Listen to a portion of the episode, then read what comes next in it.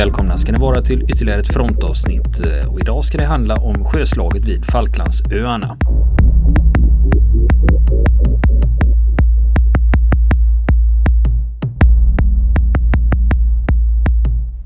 När vi kommer in i historien har von Spee försökt sig på ett anfall på flottbasen i Port Stanley på Falklandsöarna. Men när han märker att hamnen är full av brittiska krigsfartyg tar han sina skador och försöker sticka därifrån. Men brittiska amiralen Sturdy löper ut med sina fartyg och börjar knappa in på tyskarna. Och nu börjar Sturdy komma inom skotthåll. Och när vid ett-tiden så öppnar han eld. Och då är avståndet drygt 14 kilometer till tyskarna. Då skickar man iväg de första granaterna mot dem. Och Spe, han inser då när de första granaterna faller att det här kan bara sluta på ett enda sätt. Vad tror du han gör då? Ja, alltså han har ju egentligen tre alternativ. Mm. Antingen försöka stå på och mm. hålla så mycket avstånd till britterna som möjligt. Ja. Det är omöjligt. Mm. Alternativ två, det är att stanna upp, vända upp sig och försöka hitta en så bra position som möjligt och försöka mm. försvara sig och bita ifrån ordentligt. Mm. Men det tredje alternativet är ju att bara hissa vit flagg. Mm. Då ska jag säga att han valde alternativ fyra. Han försöker rädda en del av sin styrka. Han splittar den. Han splittar den. Han inser att hans, stora, hans flaggskepp och systerfartyget, alltså Scharnhorst och Gneisenau, de är för långsamma. De kommer inte undan britterna. De kommer inte undan britternas slagkryssare. Men hans lätta kryssare, tre stycken, de har fortfarande en chans. Så att han säger till, Säg till dem helt enkelt, stick. Ta er till hemmahamn. Om ni kan. Det är i princip att säga rädda sig den som kan till de andra. Efter det så ändrar han kurs och tar upp striden med britterna med sina kvarvarande fartyg då, Scharnhorst och Gneisenau. Medan kryssarna då Leipzig och Nürnberg och Dresden retirerar, försöker komma undan. Men Sturdy, skicklig officer, han hade redan på förhand räknat med detta. Att det här skulle kunna hända, att den tyska amiralen splittar sin styrka. Av ena eller andra anledningen. Så han har redan på förhand gett sina egna kryssarchefer order att gör tyskarna det, så ska ni sätta efter de tyska kryssarna och jaga dem. Så tar vår, de stora fartygen hand om tyskarnas stora fartyg. Så att utan att vänta på några instruktioner ifrån, eh, från amiralen så sätter då Kent och Cornwall och Glasgow efter de tyska kryssarna då medan slagkryssarna och den här långsammare pansarkryssaren Carnavan fortsatte förfölja Scharnhorst och, och Gneisenau. Och även efter att styrkan splittrats på det här sättet så är tyskarna, den tyska huvudstyrkan hopplöst underlägsen. Britterna kan inte alls mäta sig med de brittiska slagkryssarna. För att de brittiska slagkryssarna har längre räckvidd, precis som Scharnhorst och Gneisenau har haft längre räckvidd när de hade mött britterna utanför Chiles kust. Nu är det ombytta roller. Nu kan de brittiska slagkryssarna i lugn och ro skicka granatsalva efter granatsalva mot de tyska, som inte ens är inom skotthåll till en början, utan måste manövrera sig genom regnet av granater för att komma närmare de brittiska fartygen. Hela tiden. Som på en skjutbana nästan. I början av eftermiddagen då så ligger de här fartygen då på en parallell kurs, alltså det är nästan 13 kilometer mellan dem. När striden utbryter på allvar kan tänka dig 13 kilometer och skjuta granater och sen observera var de faller. Det är nästan bakom horisonten. Man har ju väldigt bra kikare och dessutom så finns det ju en orsak till att överbyggnaden är så hög eftersom du ska se bortom horisonten. Också. Men jag är ändå mm. impad mm. över att med, med, den över hundra år gammal teknik ändå mm. lyckas. Ja. Med den att ha en sån precision. Precis, precis. Så brittiska slagkryssare de skjuter bredsidor på bredsidor och de tyska pansarkryssarna då, Scharnhorst och Gneiserna, de besvarar elden då på sin maxräckvidd. Då. De skjuter så långt kanonerna och det innebär ju att pricksäkerheten är inte den bästa när man eh, skjuter på sin maximala räckvidd med kanonerna. Och, eh, Men eh, de tyska artilleristerna var trots allt bättre än de brittiska flottans artillerister vid den här tiden. Och de imponerade stort också på britterna enligt redogörelser från den här tiden då, för att de var så oerhört väldisciplinerade i, i sin eldgivning, att det var nästan som maskiner. Att säga, väldigt mekanisk, väldigt väldisciplinerad eldgivning och pricksäkerhet. Långt in under striden. Britterna i sin tur, inte många av deras granater träffade de tyska fartygen, men när de gjorde det 30,5 centimeters så ställde de till en enorm förödelse ombord på de tyska fartygen varje gång. Och Sturdy han höll sitt idealavstånd då så mycket som möjligt då där, där han var inom skotthåll men såg till att så mycket som möjligt hålla sig utanför tyskarnas räckvidd under det här. Och Spe han försöker hela tiden minska avståndet för att ha större chans att träffa. Och Sturdy manövrerar för att hålla sig utanför. Och det här manövrerandet det pågår i ett par, tre timmar sen under eftermiddagen. Fram och tillbaka.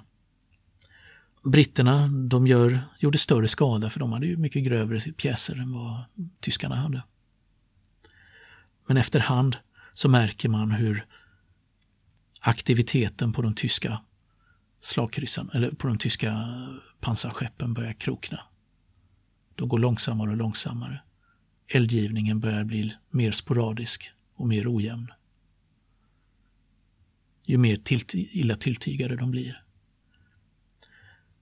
Vid halv fyra-tiden så ändrar Spe kurs igen då för att vrida upp sin mer oskada, oskadda sida mot fienden. Och kanonerna på den sidan som fortfarande är oskadda för att använda dem och skjuta bredsidor med mot, mot britterna.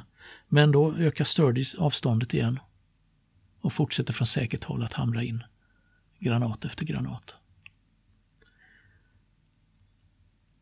Och en halvtimme senare, framme vid fyra tiden, då slutar det tyska flaggskeppet helt att skjuta. Och börjar få slagsida. Och efter en kvart så sjunker det med man och allt. Ingen kom undan. Inte amiralen heller. Han gick till botten med sitt fartyg. Och sista orden från amiral Spee till systerfartyget Gneisenau är Dra er tillbaka om ni kan. Försök ta er härifrån. Men Gneisenau kan inte heller undkomma. För hon har blivit ganska illa tilltygad. Maxfarten har minskat på grund av alla skador fartyget har fått. Och eh, helt plötsligt så riktas alla de tre stora brittiska fartygen hela sin eldgivning mot det här enda tyska fartyget. För då har även den här långsammare Carnavan kommit i kapp. Och precis som på samma sätt med det andra fartyget, Gneisenhaus e- eldgivning mattas av allt eftersom. Avståndet minskar när britterna går närmare för att göra slut på henne. När klockan är halv sex, alltså kan säga drygt en timme, en timme och en kvart efter att flaggskeppet hade sjunkit, så är Gneisenhaus krutdurk tom. finns inga granater kvar. Man har skjutit slut på allt. Så då är det kört, man kan inte fortsätta slåss.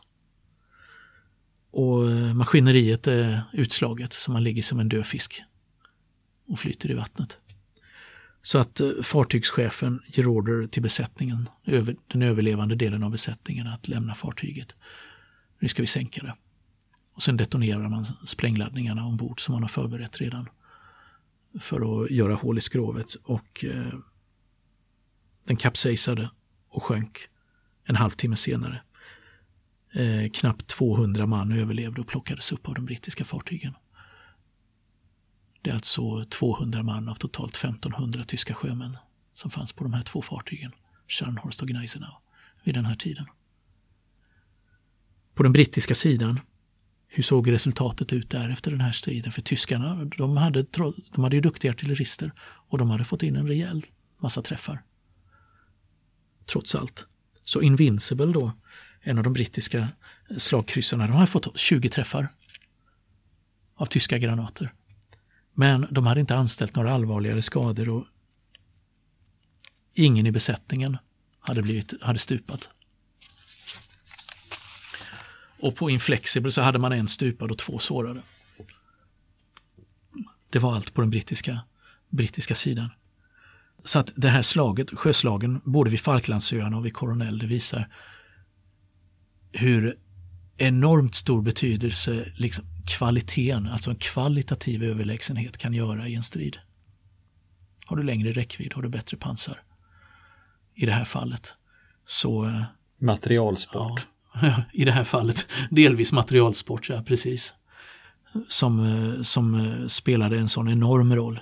Man vet, vet ifrån andra strider att väldigt, väldigt små tekniska skillnader kan göra väldigt stor skillnad i en praktisk, faktisk stridssituation. Men här var det väldigt stora, stora skillnader då. På den tekniska sidan. Hur gick det då med de här kryssarna som han hade gett chansen? Man off, han offrade sina två stora fartyg, Spe, för att ge kryssarna, sina lätta kryssare en möjlighet att komma undan. Hur gick det för dem tror du? Jag tror de blev upphunna av britterna. Ja, det, det gick inte så bra för dem, de flesta av dem. De, de blev upphunna. De jagades ju av de brittiska kryssarna och de hade problem redan från början och det berodde på att deras motorer hade ju gått långt. De hade ju tagit sig från Stilla havet. Ända från kinesiska kusten. Tvärs genom Stilla havet och ut i Sydatlanten utan att motorerna hade fått något kvalificerat underhåll under den här tiden. Så att, klart, efter ett tag så börjar det hända saker som gör att de inte kan gå på maxprestanda. Och det här började de tyska kryssarna känna av vid den här tiden, vilket gjorde att de kunde inte dra ifrån de brittiska kryssarna som de ville. Och eh, de, när britterna kommer inom skotthåll, det blir, då blir det strid. Leipzig var det första kryssaren, gick långsammare och långsammare efter att ha fått in träff efter träff. Och eh, när Leipzigs ammunition har tagit slut sent på kvällen så ger fartygschefen order om att sänka fartyget. Bara 18 man överlevde. Det här. Det är svårt att säga hur många som gick under med fartyget som aldrig hann ut. När fartygschefen beordrade att det skulle sprängas. Och hur många som eh, frös ihjäl i vattnet efteråt. Det går ju fort på de breddgraderna till havs. Sen var det kryssaren Nürnbergs tur. Och det var också, det var inte heller i bästa skick det här maskineriet på eh, det här fartyget jagades av en brittisk kryssare som heter Kent. som medan Nürnbergs maskineri håller på att krokna så håller den brittiska kryssaren Kents maskinpersonal på att överträffa sig själva. Genom att lyckas pressa upp fartygets hastighet till två knop över den teoretiska maxfarten. Och det gjorde de genom att elda pannorna rödglödgade. Plus att när inte kolet räckte så tog man även allt brännbart trä ombord. Alla möbler som fanns ombord bland annat, allt åkte in i pannorna för att hålla trycket uppe. Och på det sättet så lyckades man komma ifatt nästa kryssare Nürnberg då. Till slut då under den här jakten, för Nürnberg pressar också stenhårt eh, sitt maskineri. Då havererar en av ångpannorna på Nürnberg som är överansträngd. När den brittiska kryssaren Kent närmar sig så stryker Nürnberg flagg. De ger upp. Alltså halar du din örlogsflaggan så är det kapitulation. Är det. det är det som är att stryka flagg. Men britterna hinner aldrig borda Nürnberg. För besättningen sänker henne. Och en halvtimme senare så kapsejsar hon och sjunker. Och bara sju man överlever. Utan att ett skott har Ja, avlossats. exakt. Ja. Jag tänker det. Det var mycket folk som, eh, som uh, har gått i spillo här då. På den brittiska kryssaren då som har varit i strid med Nürnberg, där har bara fyra matroser stupat och tolv har sårats. Däremot så var man, har man varit väldigt nära att bli sänkta av den tyska kryssaren för en granat slog ner i ett krutförråd och började, där det började brinna. Så man tvingades hastigt sätta krutförrådet under vatten för att eh, hindra fartyget från att flyga i luften. En kryssare undkom och det var Dresden. Och för att de lyckades hålla lite högre hastighet. Vädret började försämras och därmed sikten. Så att Dresden återvände inte till hemmahamn i Tyskland eller till någon av kolonierna i Afrika, utan slank tillbaka in i Stilla havet och lyckades hålla sig undan i ytterligare flera månader där. Jaga, jaga handelssjöfarten där innan den blev uppspårad av två brittiska kryssare och sänkt utanför Chiles kust. Och Sturdy då, han var ju den stora, stora segerherren i det här sjöslaget vid Falklandsöarna då, sänkt nästan hela den tyska eskaden, östasiatiska eskaden. Och eh, man kan väl säga att han hade följt den här maximen att när du är på väg att vinna riskerar du ingenting. Alltså ta inga onödiga risker när du är på väg att vinna utan Play it safe. Play it safe, ja precis. Och det hade han gjort under hela, det här, hela den här striden när han väl hade fått ut sina fartyg ur, ur hamnen, ur det här extremt sårbara läget som han hade befunnit sig i. Och eh, det här gav ju, en, eh, det här gav ju britterna den, den eftersträvade revanschen då över tyskarna efter det första, efter det första sjöslaget där utanför Chile som inte hade gått så bra. Och eh, det innebar ju att trycket lättade på den, den brittiska handelsflottan och att man inte behövde avdela så många brittiska krigsfartyg för att jaga tyska motståndare ute på världshaven. Så att eh, många kryssare frigjordes, brittiska kryssare frigjordes för andra uppdrag. Och eh, de här två brittiska slagkryssarna de hade visat de brittiska slagkryssarnas styrka och överlägsenhet. Det var den modernaste konstruktionen då. Däremot hade det inte visat deras svaghet. Den skulle inte visa sig förrän ett drygt år senare i sjöslaget vid Skagerrak. Men det är som sagt en annan historia som vi har berättat i andra program. Det fanns en stor oro där då ändå i, inom brittiska amiraliteter för det hade visat sig att de brittiska artilleristerna eh, var allt annat än träffsäkra. De hade gjort av med väldigt mycket ammunition för att träffa sina mål. Till skillnad mot vad tyskarna hade gjort, som hade varit väldigt, även på de längsta avstånden hade de lyckats få in många träffar. Och eh, det där skulle upprepas även under slaget i Skagerrak. Eh, men tyskarna de hade inte haft eldkraft nog för att hota britterna på allvar. Och sen en annan sak som det här visar, det här, de här sjöslagen med all önskvärd tydlighet, är just vilken oerhört stor betydelse den här bristen på underrättelser om fienden kan spela i stridssituationer. Gör att man kan, man kan bli väldigt överraskad som befälhavare. Bad Intel. Bad Intel, ja. Någonting som går igen överallt och att man, man har sällan i ansvarig position hela bilden. Och du är ändå tvungen att fatta beslut som, som kommer att få långtgående konsekvenser. Som du inte kan överblicka kanske förrän efteråt. Som den brittiska amiralen som gjorde full fart framåt när han kanske borde ha retirerat utanför Chiles kust. Eller Spe som ja, kanske borde ha gjort full fart framåt och eh, satsat allt på ett kort när han fångade hela den brittiska styrkan i hamnen vid Falklandsöarna. Ja, men det är ju lätt att vara mm. en... Det är lätt att vara efterklok. En länsstols... det är lätt att vara en länsstolsamiral. Ja, och sitta och, kommendera sina flottor. Ja, och det är vi ju i Frontens redaktion. ja, det finns ingen som har så... Eh, det, det, vi vet ett, bäst. Jag hörde ett mm. amerikanskt uttryck för ett tag sedan. Det är My hindsight is 2020. Mm. mm. Det betyder att jag har perfekt syn i backspegeln. Ja, just det. Just det. När, och det är, ju, det, det, är ju det att när, när eh, befälhavare som befinner sig i de här situationerna som bara har några ögonblick ibland på sig att fatta beslut som sen kommer att granskas i årtionden efteråt av historiker och sådana som oss. Det är lite orättvist kan man tycka, men så, sån ja, är världen. Men, men i och för sig, mm. det, det, det, fyller en funktion också när ja. man försöker väga in så många olika faktorer som möjligt mm. i beslutet. Just för det. ibland är det så när folk fattar beslut, man tycker men det här var helt galet och det visar mm. sig att då är det en enskild faktor som mm. vi inte känner till, ja. men som var helt avgörande vid exakt den tidpunkten. Just det. Så att Precis. det är svårt att se, man måste ju ha hela beslutsunderlaget framför sig. För, för att förstå. Mm. Och för varje sån här historia Ja. vi går igenom, det, när Mm. det gäller de här besluten, så Mm. lär man sig mer om de olika faktorerna också. Yes.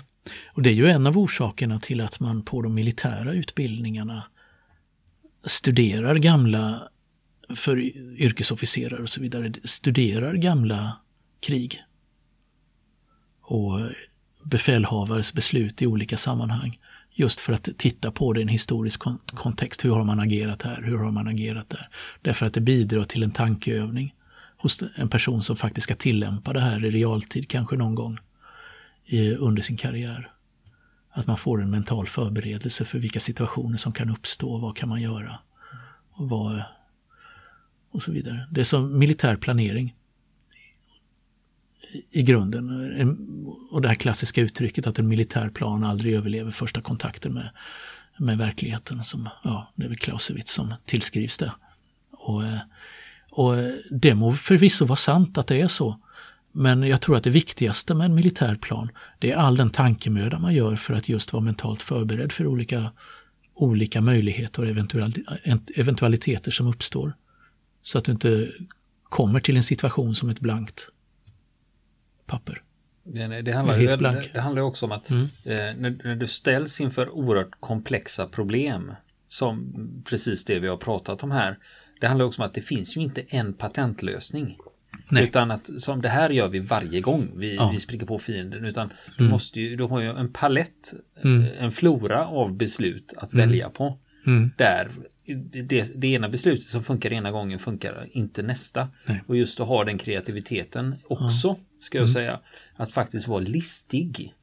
Och föruts, försöka Mm. förutspå. Om vi gör så, då kommer fienden att agera så och då gör vi så. Ungefär som i schack när man Mm. Ja. försöker spela ut den andra. Mm. Precis. Så det finns ju ett element av det också. Det kan Exakt. vi ju se när vi pratar om jätteduktiga strateger. Mm. Då ser vi att det finns ett stort mått av list Mm. Just i det. det här. Just det. Alltså, Förutse fiendens drag, alltså förutse fiendens menta- försöka få grepp om fiendens mentalitet. Hur fungerar den här personen? Krypa bakom under skinnet på honom. Hur tänker de? För att kunna förutse också. Det också, spelar också en viktig roll i det här sammanhanget. Gör det. Men om vi går tillbaka till själva historien Mm. kring det här. När vi tittar på konsekvenserna. Mm. Vad blev det för konsekvenser utav det? Konsekvenserna var helt enkelt eh, lite som jag skildrade innan, men att den största tyska flottstyrkan utanför Europa var utplånad efter detta. Eh, Som hade ut, utgjorde ett stort hot då mot den eh, brittiska och den franska sjöfarten. Det gjorde att britterna kunde med sin starka flotta fortsätta upprätthålla sjöblockaden mot Tyskland som man hade inlett när kriget började. Alltså skära av, skära av Tyskland från alla marknader utomlands. Skära av Tyskland från alla resurser som du behövde för krigföringen. Och de eh, livsmedel som eh, man behövde köpa från andra marknader för att eh, för att livnära befolkningen under kriget. Alltså det handlade om att svälta ut Tyskland både liksom vad gäller livsmedel och vad gäller resurser som du, andra resurser som du behövde för krigföringen. Det var en, ett, ett av grundelementen i, i Ententens strategi under första världskriget. Just denna sjöblockaden som, som inleddes mot, mot Tyskland och centralmakterna. Och eh, i och med eh, sjöslaget vid, Falkl ja, sjöslaget vid Falklandsöarna var, blev en viktig milstolpe i att undanröja alla hot på världshaven mot det brittiska herraväldet. Vad blev resultatet för de tyska kolonierna i Stilla havsområdet? Kolonierna de föll ganska snabbt i Japans händer. Och Japan behöll dem. Ända tills andra världskriget. När eh, de bytte ägare igen efter långa och blodiga strider. För det måste vi också titta på någon Mm. gång när det gäller kriget i Stilla havet, när det gäller landstriderna på de olika öarna Mm. som var ett oerhört långdraget och segt projekt. Just det. Det gick ju inte i en handvändning. Nej, det gjorde det verkligen inte. Så vi får titta på några av öarna och atollerna där separat. Hur, hur det gick till och vi- vilken verklighet som mötte både japanska och amerikanska soldaterna där. Vill ni komma i kontakt med oss så kan ni göra det via vår Facebook-sida som heter Fronten. Det är inga problem för er att leta er fram där. Eller också så mejlar ni på vår mejladress och det är frontenpodcast.gmail.com.